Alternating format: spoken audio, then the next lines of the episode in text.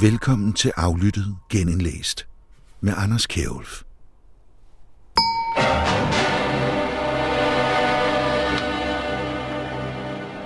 Velkommen til et program, der iført skæg og blå briller, i hvert fald indeni, hvor en masse efterretningschefer synes at løbe i ring omkring et stort blinkende NSA-juletræ et eller andet sted i København, sammen med stort set alle politikere i Folketinget. Og selvom det ser festligt ud, så er der stadigvæk en mørk kerne i det hele, der virker som om, at det er umuligt at få bare en lille smule lys på. I dagens program der har jeg en længere snak med Jesper Lund fra IT Politisk Forening, både om den her FE-sag, men især om det forslag fra EU-kommissionen, der i folkemunde er blevet døbt chat-kontrol. Jeg har også været smut i arkiverne i anledning af den sørgelige udvikling i Israel og Gaza – for 10 år siden der talte jeg nemlig med skaberne af det system, der skulle have beskyttet Israel mod den regn af raketter fra Hamas, der ramte landet den 7. oktober. Systemet, det hedder Iron Dome, og i 2013 der var det en stor succes, som Israel forsøgte at eksportere til resten af verden ved Paris Air Show, og det indslag, ja det kan du høre til sidst i dagens aflyttet. Jeg hedder Anders Kjærulf. Velkommen til. Complete transmission through the NSA. Suspending your rights for the duration of the permanent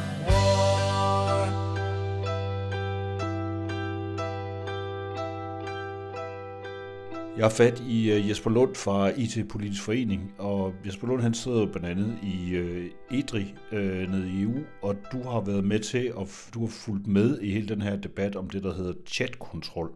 Og bare lige for at starte med det her, altså for dem, der ikke ved, hvad vi snakker om, hvad er det nu, det går ud på? Altså, det er et meget stort forslag fra, fra EU-kommissionen om at beskytte børn online, øh, men det har et meget kontroversielt øh, element, og, og man siger, grunden til, det er blevet kaldt øh, chatkontrol, nemlig at øh, der er mulighed for at få sådan nogle øh, masseovervågningskendelser, hvor, hvor, hvor en hel kommunikationstjeneste kan blive tvunget til at overvåge, øh, hvad brugerne laver, øh, kører al deres kommunikation op mod nogle algoritmer, der bliver stillet til rådighed af et EU-center, og hvis det matcher øh, nogle fingerprints for kendt eller ukendt øh, materiale med seksuel misbrug af børn, eller forsøg på grooming med sådan noget kunstig intelligens, øh, øhm, så skal de indberette den kommunikation til, til et EU-center.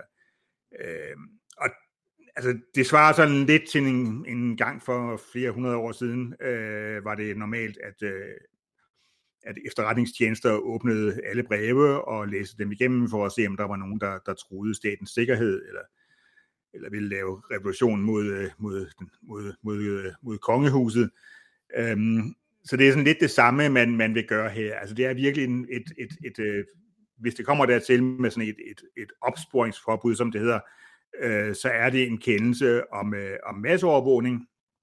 Øhm, og det skal ikke bare gælde øh, kommunikationstjenester, hvor øh, øh, sige, kommunikationen ikke er krypteret.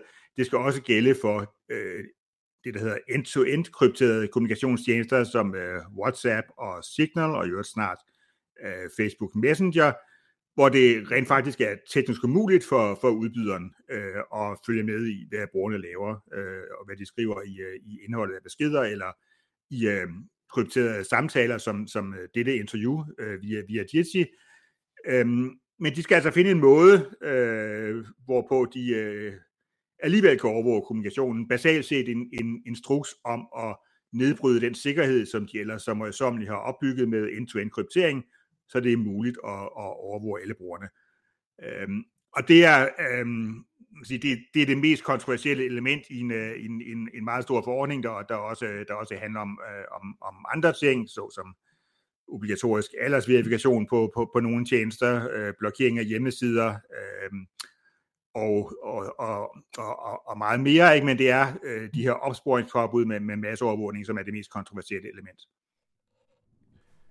Jeg spekulerer bare på i øjeblikket, kan du, hvor, altså det virker som om, der er, altså der er rigtig meget, hvad skal man sige, vægt bag det her i øjeblikket. Det er noget, man vil have gennemført, men det, det bliver til noget, det her. Hvor, hvorfor lige nu er det, er det så super relevant, det her? Det er jo ikke nogen ny problemstilling, for at sige det mildt. Nej, altså jeg vil sige for det første, altså om, om det bliver til noget, det øh, er, vil jeg stadigvæk betragte som, som uklart. Ikke? Altså vi, nu kommer vi formentlig til at stå i en situation, hvor, øh, hvor øh, Europaparlamentet vil have en, øh, i hvert fald i forhold til, til opsporingspåbud, øh, have en meget forskellig position, end, øh, end rådet øh, formentlig vil have. Og så skal de prøve at blive, øh, blive enige øh, på relativt kort tid inden øh, Europaparlamentsvalget. Det kan næppe lade sig gøre, øh, og så er det spørgsmålet, om, øh, om det her vil, øh, vil overleve til det næste øh, nyvalgte Europaparlament. Øh, der, der er en hel masse, altså jeg holder op med at, at, at forudsige fremtiden på det her punkt, fordi der er virkelig øh, en masse øh, ubesvarede spørgsmål, ikke? men vi er i en situation, hvor, hvor alt kan ske. Øh, det er ikke, ikke, man kan ikke bare gå ud fra, fordi kommissionen har fremsat forslag, så bliver det vedtaget i den øh, udformning. Øh, men det er virkelig uklart, hvad der, hvad, der, hvad, der, hvad der kommer til at ske, fordi der er så mange, så mange bolde i spil.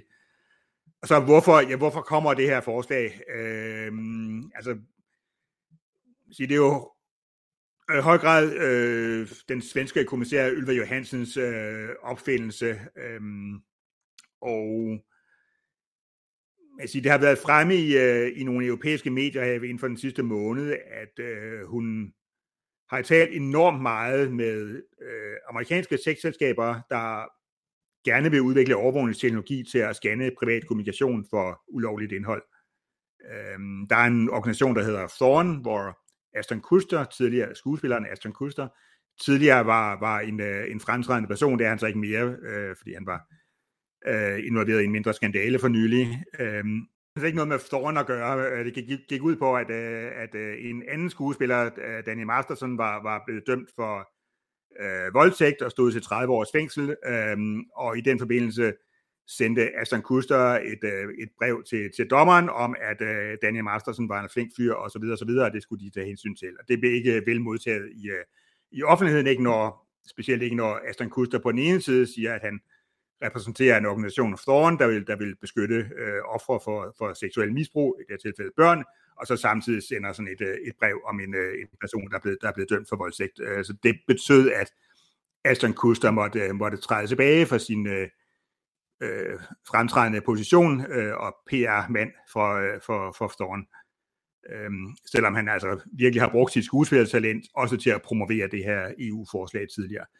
Men altså, for at vende tilbage til, til Ulrike Hansen og, og, øh, og kommissionen, ikke, der er øhm, anklager om, at, øh, eller påstande om, at øh, Ylva Johansen har lyttet rigtig meget for, til Storen og har nægtet at møde øh, kritikere af forslaget, og det kan vi også øh, fra, fra Edres side øh, konkret bekræfte. Ikke? Vi har gennem mange måneder prøvet at få et møde med, i, i, med, med Ylva Johansen, før det her forslag blev, blev fremsat, så vi kunne gøre vores, vores synspunkter gældende, og det er ikke lykkedes. Hun har simpelthen nægtet at, at, at møde os. Øhm, derimod har hun, øh, øh ja, hun fløj gerne til, til Kalifornien for at mødes med tekstselskaber, men hun vil heller ikke holde møder med, med øh, organisationer, der ellers arbejder med, med beskyttelse af børn online, som havde kritiske kommentarer til, til forslaget. Så der har været en meget ensidig proces, øh, som måske kan være årsagen til, at vi har det her forslag fra kommissionen, som øh, har formålet om at beskytte børn, men så ensidigt fokuserer på at overvåge alle brugere, inklusive øvrigt øh, børnene selv, når de, øh, når de kommunikerer med hinanden online og bruger sociale medier. Ja.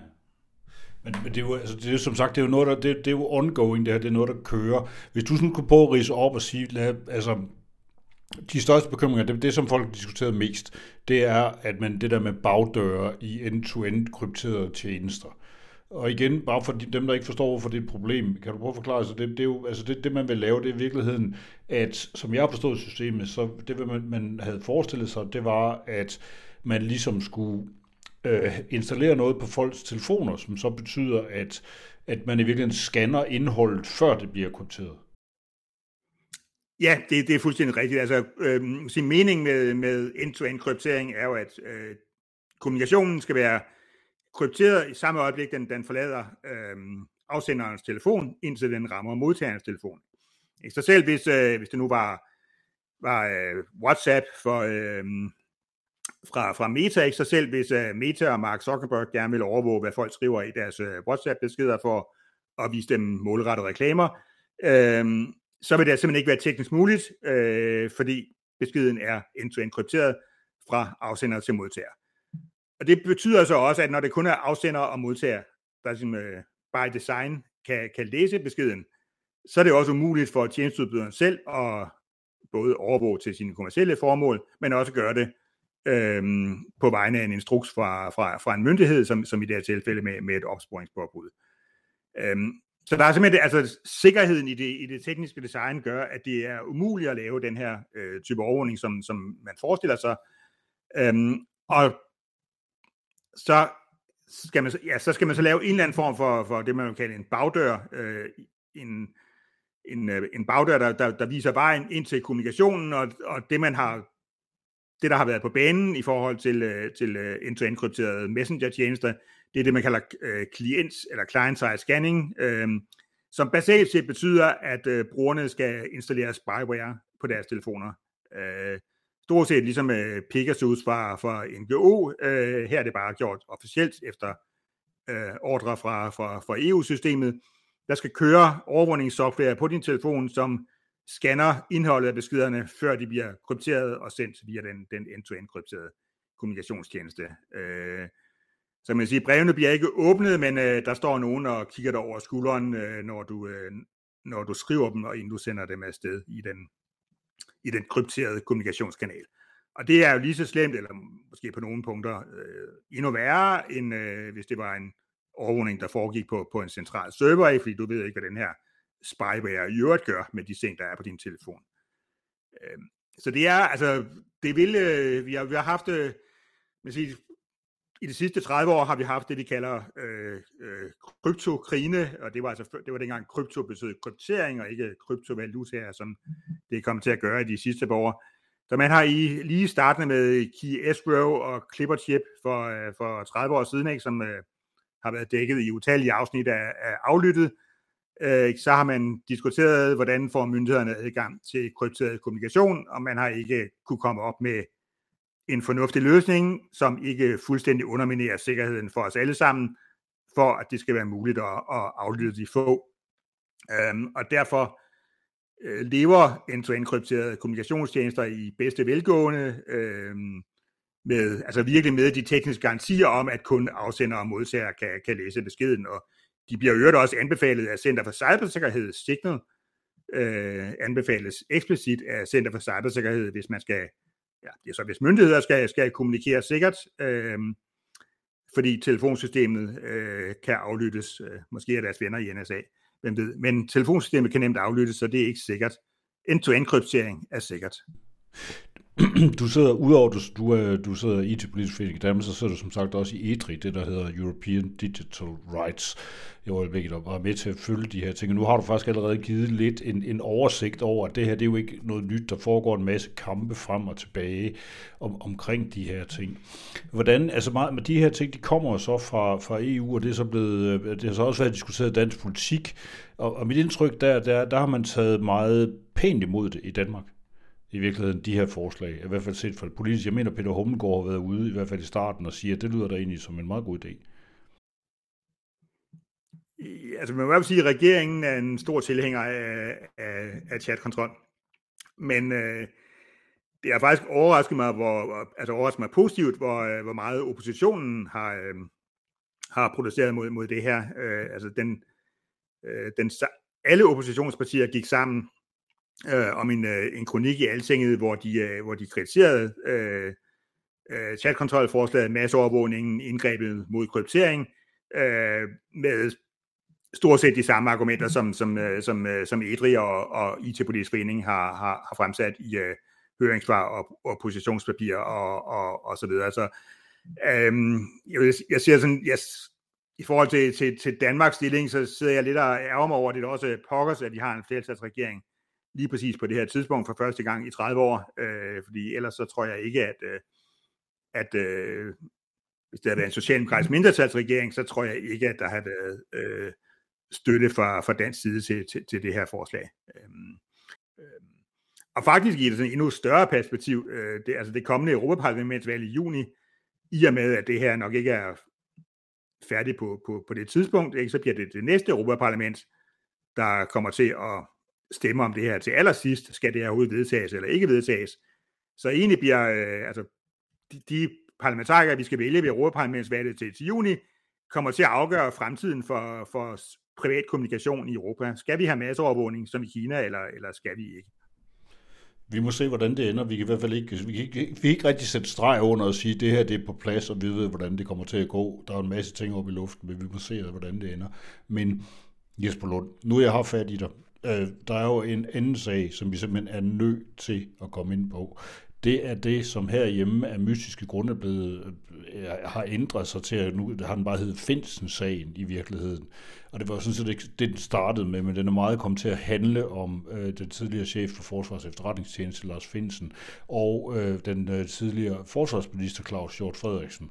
Øh, de to skulle have været i retten, men det bliver ikke så noget, fordi man nu, efter jeg ved ikke hvor meget, lang tids ballade og togtrækkeri frem og tilbage, så er sagen simpelthen blevet droppet man gider ikke at føre den alligevel, der bliver ikke nogen retssag, øh, og, og alting er jo til sydenlandet trukket tilbage. Hvordan, øh, øh, du må have set den nyhed samtidig med, med os andre, hvordan, hvad tænkte du, da du så det?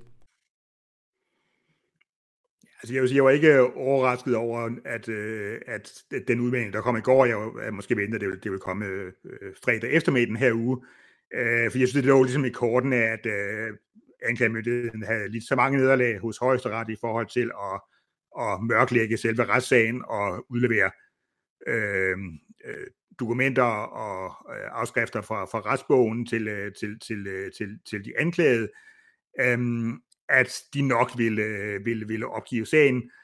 Og måske på en eller anden måde øh, er det her jo den bløde landing for en, øh, en øh, umulig sag øh, om noget, der, en hemmelighed, der så reelt ikke alligevel er en hemmelighed, øh, som anklagemyndigheden måske også kunne have tabt, hvis det var kommet til en retssag. Nu undgår man så øh, det endnu større tab af, af, øh, ansigt øh, ved at øh, tabe sagen. Øh, det er i hvert fald en udlægning øh, ved, ved at droppe sagen. Ikke? Men det betyder også, at vi finder aldrig ud af, hvad, der, hvad, hvad de her sager egentlig handlede om, altså udover at de var anklaget for, for at lægge statshemmeligheder. Øh, Øh, så vi ved, altså var, var der mere end kabelsamarbejde med NSA, øh, som højesteret har sagt, ikke er hemmeligt længere, eller ikke kan betragtes som en hemmelighed, fordi det ved alle. Øh, og, og i virkeligheden er, øh, er du, du startede med at sige, det der kommer til at hedde Finsen-sagen, eller nogen kalder det også FE-sagen, at FE-sagen nu skulle handle om, øh, om de to øh, øh, straffesager mod, mod, øh, mod Claus Hjort og, og Lars Finsen for at lægge øh, statshemmeligheder til, til, til journalister eller, eller interviews i, i, i, i tv. Men det skygger desværre over, at øh, det var ikke det, FE-sagen startede med. FE-sagen startede med øh, mulige øh, masseovervågninger, altså alle sammen fra, fra FE og NSA. Og den del er jo, er jo lagt fuldstændig død øh, siden december øh, 2021. Ikke? Det er ikke det, vi taler om længere. Nu taler vi om den her øh, straffesag mod, mod, øh, mod, mod Lars Finsen og Claus Hjort, som nu så ikke længere, som nu er, er opgivet. Ikke? Så det, jeg ved nærmest ikke, hvad, hvad jeg skal mene. Øh, nu, måske det på den positive front, at i de sidste øh, halvandet år har jeg været så travlt optaget af chat control, at jeg ikke øh, har haft et stort behov for at sidde og spekulere over FE-sagen, eller hvad vi skal kalde den. Nej. Men jeg tænker bare på, altså det, netop som du selv siger, det kommer til at skygge for øh, det, det jo virkelig handlede om, som var, var, var masseovervågning fra NSA og FE's side af alle danskere, og i øvrigt også øh, udenlandskommunikation, der passerer igennem Danmark, som jeg har forstået det via det her kabelsamarbejde. Men kan, kan du ikke lige, bare lige for dem, der, der sidder igen så derude og tænker, det, jeg, jeg kan slet ikke huske, der, der var noget med et kabelsamarbejde, men hvad fanden betyder det? Altså, hvad betyder det for, for, for øh, almindelige mennesker, at det her samarbejde eksisterer? Jamen altså, man siger, ude, ude for de oplysninger, der har været fremme i medierne, ikke, så øh,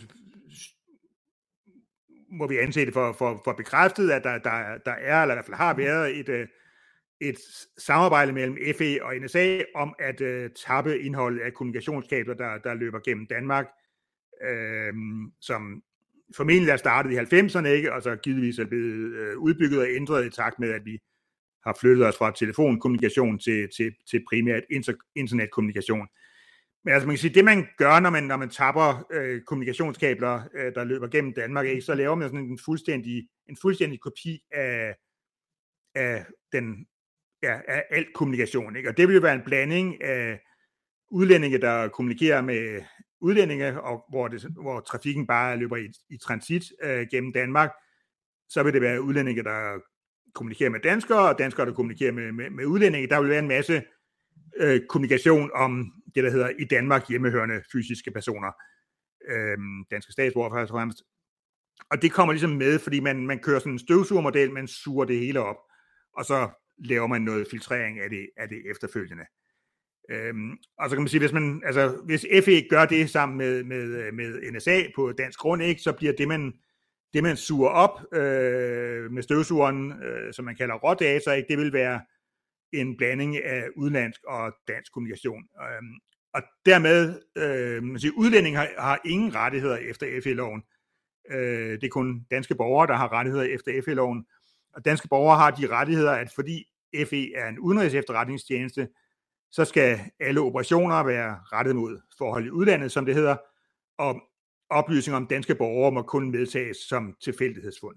Øh, det er måske lidt svært at indpasse det i sådan en model med, med, med støvsugeren, men nu er jeg også, nu, altså allerede nu er vi ved at komme derud, hvor vi faktisk ikke kan, kan, kan sige noget præcis, fordi øh, der står ikke særlig meget i FE-loven, ikke? der er ikke nogen retningslinjer, i hvert fald ikke nogen offentligt tilgængelige retningslinjer, for hvordan det her skal gøres inden for rammerne af, FE-loven, ikke? og udfaldet på det hele øh, med først flere års arbejde for, for, for tilsyn med efterretningstjenesterne, og så øh, den store pressemeddelelse i august 2020, der startede det hele, er jo blevet, at øh, der er nogen, der har sagt, at øh, FE må slet ikke føre tilsyn med indhentningen af rådata, selvom øh, FE har gjort det i øh, siden starten i 2014. Øhm, og det betyder sådan set, at øh, ja, nu ved det slet ikke noget om, hvad der foregår, og der er ikke nogen mulighed for, for at, øh, at føre tilsyn med det. Øh, så altså, ja, det er jo umuligt at, at, at, at sige noget baseret på, på sådan øh, øh, konkrete fakta, ikke? fordi der er ikke nogen, der må, der må, der må sige noget faktuelt til tilsynet, der skulle varetage vores, vores øh, danske borgers øh, interesser, når, når, når FE indhenter øh, oplysninger. De må ikke gøre noget i forhold til rådata. Og de kan jo indhentes og frit udleveres til, til NSA, øhm, og selvom FE er bundet af nogle begrænsninger om, at de må ikke sådan målrettet kigge efter danske borgere, så gælder de begrænsninger jo ikke for, for NSA. Hvis jeg husker ret for nogle af de her rapporter, der jo trods alt noget at komme fra tilsyn med efterretningstjenester, så har det jo været et fast klagepunkt for dem, at de her data ligesom havde det med at vandre fra FE og blandt andet over hos PET, altså hos andre folk. Øh, og en af de klagepunkter, der også har været i forbindelse med den store rapport, der medførte den famøse pressemeddelelse og alle de her ting, det var jo også, at der angiveligt skulle have været øh, lavet spionage på medlemmer af tilsynet af efterretningstjenesterne. Altså folk, der sad der. Den er så senere blevet tilbagevist eller et eller andet andet, men jeg går ud fra, at der har været et eller andet i det. De ting, dem får vi jo så heller ikke noget at vide om på nogen måde overhovedet. Nej, vi, vi får, vi får, øh, altså vi får reelt ingenting at vide. Øh, altså, vi der må ikke, øh, altså, vi har fået den garanti, at øh, øh, altså, hvis der skulle ligge oplysninger om danske borgere i de her indhentede rådata, så bliver det ikke FE selv, der målrettet kigger efter dem. Øh, selvom der så alligevel hvert år er et antal sager, hvor FE er kommet til at kigge efter danske borgere, der slet ikke burde være der i forvejen. Øh, Øhm, det der spørgsmål med, med udlevering til, til PET, ikke, det var øh, omtalt i, øh, tror det var årsredegørelsen for 2018, så har det, fra, fra tilsynet for efterretningstjenesterne, så har det ikke været omtalt siden. Ikke? Så i hvilket omfang øh, den her store datasø også øh, ligesom sige, kommer, kommer PET til gavn, ikke, som får mulighed for at lave nogle, øh, nogle øh, aflytninger, som PET ellers ikke ville kunne gøre efter retsplejeloven. Det er også et, et, et uafklaret spørgsmål. Øhm, og hvad der bliver udleveret til NSA, øh, og derefter finder, finder vej tilbage til, til FE, fordi NSA må kigge efter de ting, som, som, øh, som FE ikke må kigge efter vedrørende danske borgere, det ved vi heller ikke. Øh, så altså, vi har virkelig en, en lov, der, altså, hvor der, altså, der står basalt set i FE-loven, at øh, FE finder selv ud af, øh, hvad, de, hvad, hvad de skal lave, og hvordan de gør det, og de må jo gerne bryde loven i de lande, hvor, hvor de opererer. Øh, det eneste FE ikke må, det er, at man må ikke man sige, målrettet indhente oplysninger om, om, om danske borgere, ikke? men det betyder måske, eller måske ikke, at vi kan, vores kommunikation kan befinde sig i øh, FE's rådata alligevel. Den kan så blive udleveret til NSA, som øh, har carte blanche til også at kigge efter, efter, efter danske borgere. Øh, så altså, der er ikke, der er ikke ret mange øh, rettigheder tilbage, og der er reelt heller ikke noget, øh, øh i hvert fald ikke ret meget tilsyn med, øh, med FE's virksomhed, ikke? fordi indhentning af rådata spiller en meget stor rolle for, for, for FE, øh, og det må der ikke føres tilsyn med, har man nu pludselig, eller efter FE-undersøgelseskommissionens arbejde i, i december 2021 fundet ud af på meget mystisk vis, selvom tilsynet har gjort det i overvis, og altså alt det, der ledte op til FE-sagen, i, øh, da den startede med, med den famøse presmeddelelse i 2020 og efterfølgende hjemsendelse af FE-ledelsen. Ikke? Det har været mange års undersøgelser fra, fra tilsynets side af indhandling af rådata. Ikke?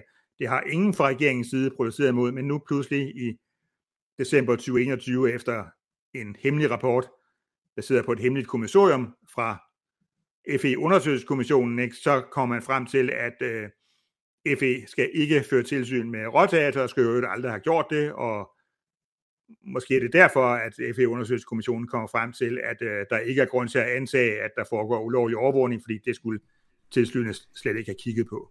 Det gør det i hvert fald nemmere. Man fristes til at bringe et fint amerikansk, øh, gammelt amerikansk udtryk i spil, der hedder snarfu, situation normal, all fucked up, som det hedder, eller fouled up, hvis man skal have den pæne udgave af det. Det er i hvert fald meget det, der, der, der det er i hvert fald sådan, det føles.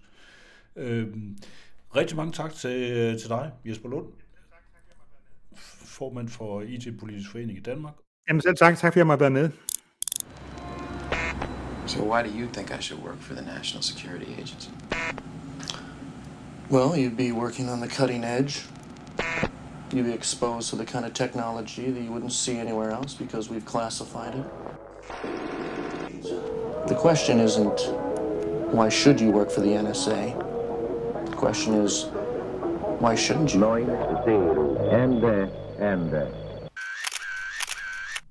Selve den sørgelige Israel-Palæstina-konflikt, den ligger nok uden for aflyttes område, men jeg har altid interesseret mig for teknologien bag krige, så nu kan du høre lidt om noget af den.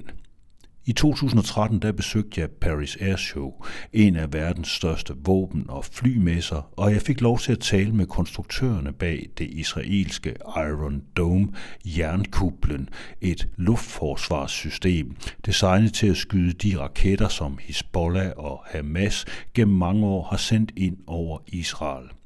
Systemet det har været operativt siden 2011, og det består af en masse radar sat op rundt omkring i Israel, som kigger efter store og små ting i luften og peger i en specifik retning.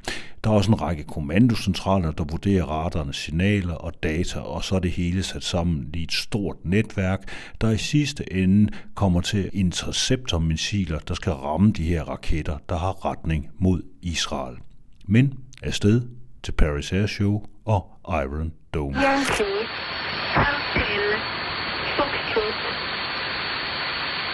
Yankee, Hotel, Foxtrot.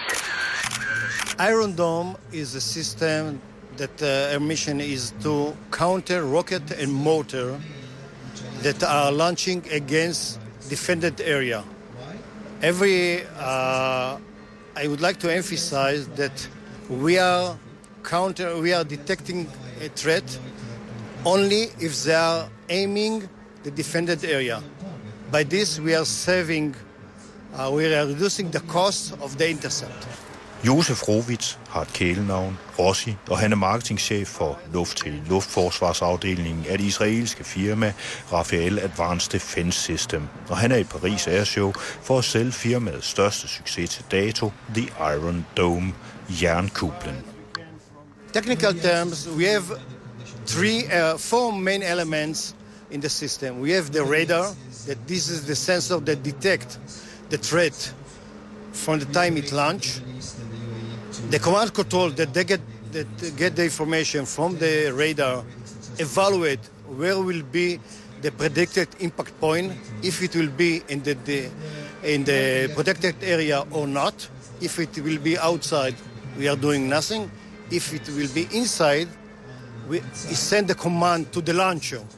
The com- launcher decide which missile, which interceptor we launch against this threat and when.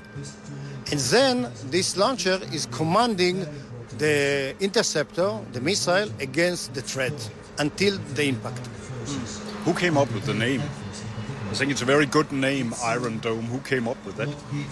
Oh, ah, uh, the project manager of this this system, uh, his wife wrote this name, and the name of the interceptor. There is two names. The name of the system is Iron Dome. Uh, it's like a cap that protecting Israel, and the intercept. The name of the interceptor is a missile against rocket. In Hebrew, it's called Tamir. This is two very unique names. One of the things it actually looks a bit like well, is, is uh, you used to have this uh, Star Wars system. I think it was called uh, when in, in America, where they wanted to shoot down all kind, kinds of missiles was on the rig, and everybody said this isn't possible. You can't do it, and it will be extremely expensive. You've actually done it. How, how were you able to achieve this? First of all, yes, you must remember that we are developing missile in the last 60 years. So when we are declaring that we developed the Iron Dome within two and a half years, is uh, is relevant but not relevant because we are dealing with missile in the last 60 years, and we have the capability, and we have the the the experience to deliver to develop a missile in very short time. Second thing is our customer. Our customer knew how to define exactly what he wants, what is the requirement. The nature of development proj- uh, project is that the project manager change all the time the requirement. In this case, they decide at the beginning what they want and they stick to it. It can be a system for to eat uh, satellites, but not. This is the rocket is our mission, and artillery shell is our mission, and we stick for it. This is we have a very unique uh, customer that knew and defined whatever he want. We have very unique engineers that understood in one way that we should bring a very unique solution, but it should be cheap.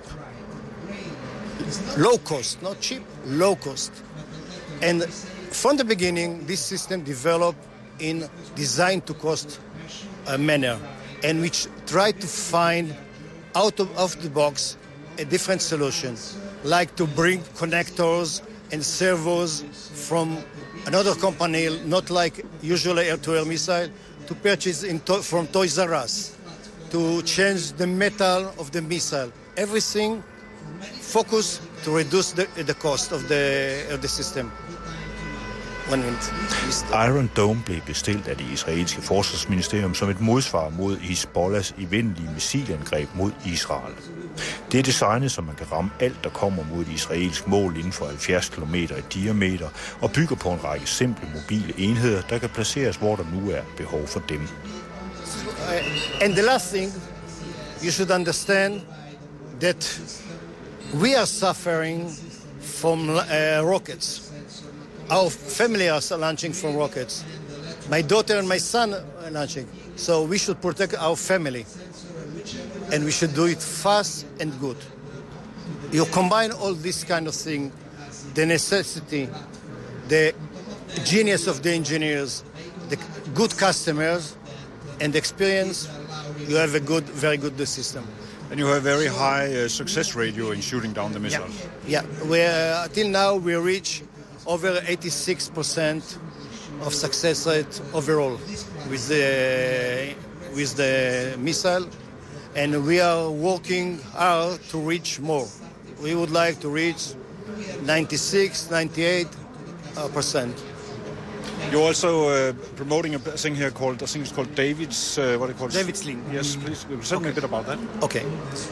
Uh, 2006, our prime minister, our defense minister, Mr. Ehud Barak, decided that Israel will be protected by three layers of missile defense. Outside the atmosphere or outside the atmosphere, it will be protected by aero system. Inside the atmosphere, atmosphere, it will be protected by two layers. The lower tier is the David uh, Iron Dome, and the upper tier inside the atmosphere will be David Sling, against all the threats that are flying inside the atmosphere or penetrating the atmosphere, which means against uh, threats that are coming from uh, ranges of thousands kilometers and crossing the atmosphere and leaking from the air, it can be. Against threats that uh, ballistic missile, short-range ballistic missile, they are flying inside the atmosphere, cruise missile, and long-range air defense. This is the mission of uh, of uh, the David Sling. Gen- in general, we can handle, we can defeat more than 95% of the threat that are flying in the atmosphere with the cost of friction cost or one five of the cost of PEC-3. PEC-3. This is the idea, to do it in low cost and can deal with all the threats. This is the idea of the uh, David Sling. Is cooperation, development, uh, develop, cooperation between Rafael and uh, Raytheon, and between uh, the U.S. Uh, government and the Israeli Ministry of Defense. Outlet fik også lov til at komme med ind i kommandorummet. Det er et dejligt airconditioneret stålboks, der står oven på en lastbil og er fyldt med skærme. På de største af dem vises indkommende trusler. Det kan være alt fra artillerigranater til raketter, og man kan se, hvad der bliver gjort for at skyde dem ned igen. På en række andre skærme i siderne kan man se feeds fra overvågningskameraer for området og alle mulige andre steder. Systemet er nemlig udtænkt, så man kan hive data ind for stort set alt, fra hvad som helst, satellitter, jagerfly, radar osv. Okay. Uh, I told you that we are dealing with uh, three elements. We are dealing with air-to-air mission, we are dealing with missile defense uh, system uh, mission, and we are dealing with air defense. So take a country like uh, French, or take a country like Israel. It's more relevant for us. And you you are launching uh, different interceptor against different threat. It's a mess. Someone sh- should see and control the situation. And this is the mission of this one.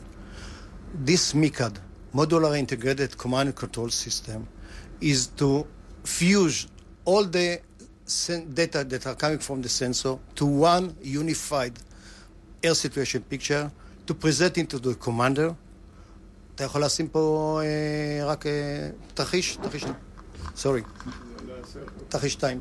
תרחיש 2 תכין פה, ואחרי זה... אוקיי.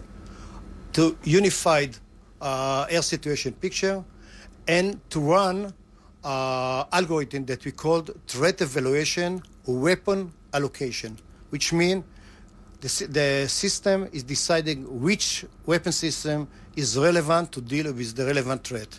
What is the condition of the, this system? How many interceptors? This, if there is a, not, a lot of fuel, everything, and it's sent automatic. For example, you have threat here, you will get it there. You see it here because this is the controller of this system, and immediately it's reflected in the fire unit command control, and it decide to fire. In the same time, the commander can communicate commu- can communicate with other command and control, uh, the other command and control, or to decide to launch to launch a UAV and to see what the UAV, which information the UAV bring to relevant against this one. By this, by this controlling all the region or all the nation, depend on which system. Just to illustrate you uh, everything. Uh, אתה יכול להריץ את הסרט? So inside this, what what we're sitting inside is, is it's a, a small truck. Uh, what you can say Yeah. to this, and this Yeah. is a mobile. Uh, it can be a mobile, it can be in, in room. So this is the concept that we are dealing. It's multi-layer, integrated command and control. Inde i kommandocentralen, der sidder der også en anden glad mand. Det er ham, der har opfundet systemet. Han er tidligere oberst i det israelske luftvåben og er yderst tilfreds med Iron Dome. Yeah, this, uh, yes, it's my baby. Uh, this, uh, as uh, my boss uh, mentioned before, it's uh, called MICAD. It's the first time that we connect between three different disciplines the discipline of the air defense, and the discipline of uh, the missile defense, and all the, dif- uh, the discipline of uh, the air to air and the air controller. We based on uh, open architecture that give us the ability to connect other air defense system, not just uh, air defense system. It included um, uh, customer uh, legacy or uh, customer sensors to create two um, uh, phases in the, this system. The first phase is uh, to create a unified air situation picture, and the second phase is to uh, make the optimization um, solution for each target with the relevant uh, air defense system. And it's got uh, it's a system with uh, they say it's not it, it's a the ultimate defense system saying that uh, you are actually nobody should be able to reach you. You you can you can put the dome all over everything. Yes, it's uh, there is, is a mobile version or there is a, a fixed uh, version, and we can connect uh, for each country. The uh, we call it as a tailor-made for uh, each country. I'm very fascinated by the fact that you can actually you can launch UAVs and you can log on to different systems uh, on board it, so you can just and that that's part of the uh, structure where you can connect to all kinds of systems. Yeah, for example, um, we can use a UAV, but in this case, we can uh, see the optical uh, electro-optic uh, sensor that we call top light. It can be behind the UAV and give us the picture to uh, this uh, command control center. We're currently looking at uh, is that the Azure we're looking at now? We- We're looking at this picture, yeah, of this uh, sensor. The amazing is to connect between the two kind of sensors, like radar and optical sensors, to create one point in the space to uh, detecting the targets with two uh, different uh, kind of sensors. Yeah. And this is the one of smart of the system. Iron Dome er nemlig en succes. Det har nedskudt 150 raketter affødt mod Israel fra Gazastriben, hvilket har gjort systemet meget populært blandt befolkningen. Ikke mindst efter en video fra et bryllupsselskab i Israel er begyndt at brede sig på internettet. Videoen viser først et traditionelt jødisk bryllup, hvorefter kameramanden får travlt med at fokusere på en række indkommende raketter fra Gazastriben. Sekunder senere rammes og nedskydes raketterne af missiler fra Iron Dome. Det ligner nærmest fyrværkeri til ære for brudeparret. Just want you to see the. It, it's come inside. Uh, you can see the picture immediately of uh, Iron Dome. Uh, this is a, a few intercept uh, movies from our uh, system. In this case, it's a Spider. It's Python 5 that uh, intercept a target. It's a UAV. Look, it's amazing. It's get inside the the um, uh, the UAV. Look, it's it's fantastic. It's amazing in the world that this uh, intercept in this uh, point, and the same immediately you will see there is a magnificent uh, movie of uh, of uh, Iron Dome in uh, Israel um, during the wedding in Beersheba. There was uh, 14 uh, targets of Qassam to Beersheba, and the Iron Dome system. This is the you can see the Iron Dome intercept. In this wedding, uh, as I mentioned, during the, the wedding, this is a picture. There was a 14 uh, targets that uh, launched from uh, Gaza Strip, and the Iron Dome uh, them down. 100% of succeed.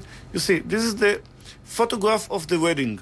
He saw the Qassam and he moved his camera to take a picture the Qassam and not the wedding, and you can see the magnificent uh, movie of intercept 14 intercept 100% of uh, succeed of uh, this uh, scenario.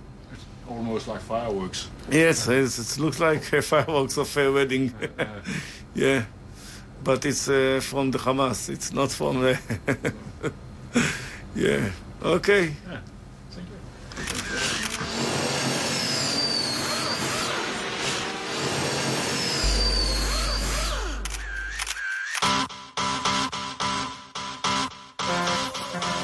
We choose the right format. We leak the information to the public. And we defend ourselves against inevitable legal and political attacks. Og det var altså i 2013, jeg besøgte et Iron Dome-anlæg, der var opstillet ved Paris Air Show. Iron Dome har, som der blev sagt i indslaget, en nedskydningsrate på 90% af de raketter, der kommer ind – det hjalp ikke israelerne ret meget den 7. oktober i år, fordi Hamas affyrede mellem 2.500 og 5.000 små raketter mod landet på én gang. Jeg hedder Anders Kjærulf, og det var, hvad jeg havde valgt at bringe i aflyttet denne gang, hvor jeg endnu en gang minder mig selv om, at jeg kun laver det her, fordi jeg kan, og fordi jeg har lyst, og fordi jeg håber, at du, der lytter, får noget fornuftigt ud af det. Men hvis du har et firma, der gerne vil være sponsor for mig, og kæde sammen med aflyttet og mine over 1000 faste og højt elskede lyttere, så kan du sende mig en mail på aflyttet snabelag protonmail.com. Det var aflyttet snabelag protonmail.com. Hvis du bliver sponsor, så vil du og dit firma blive nævnt med et taknemmelighed i starten og slutningen af det her program, og jeg vil have midler til at lave programmet endnu bedre.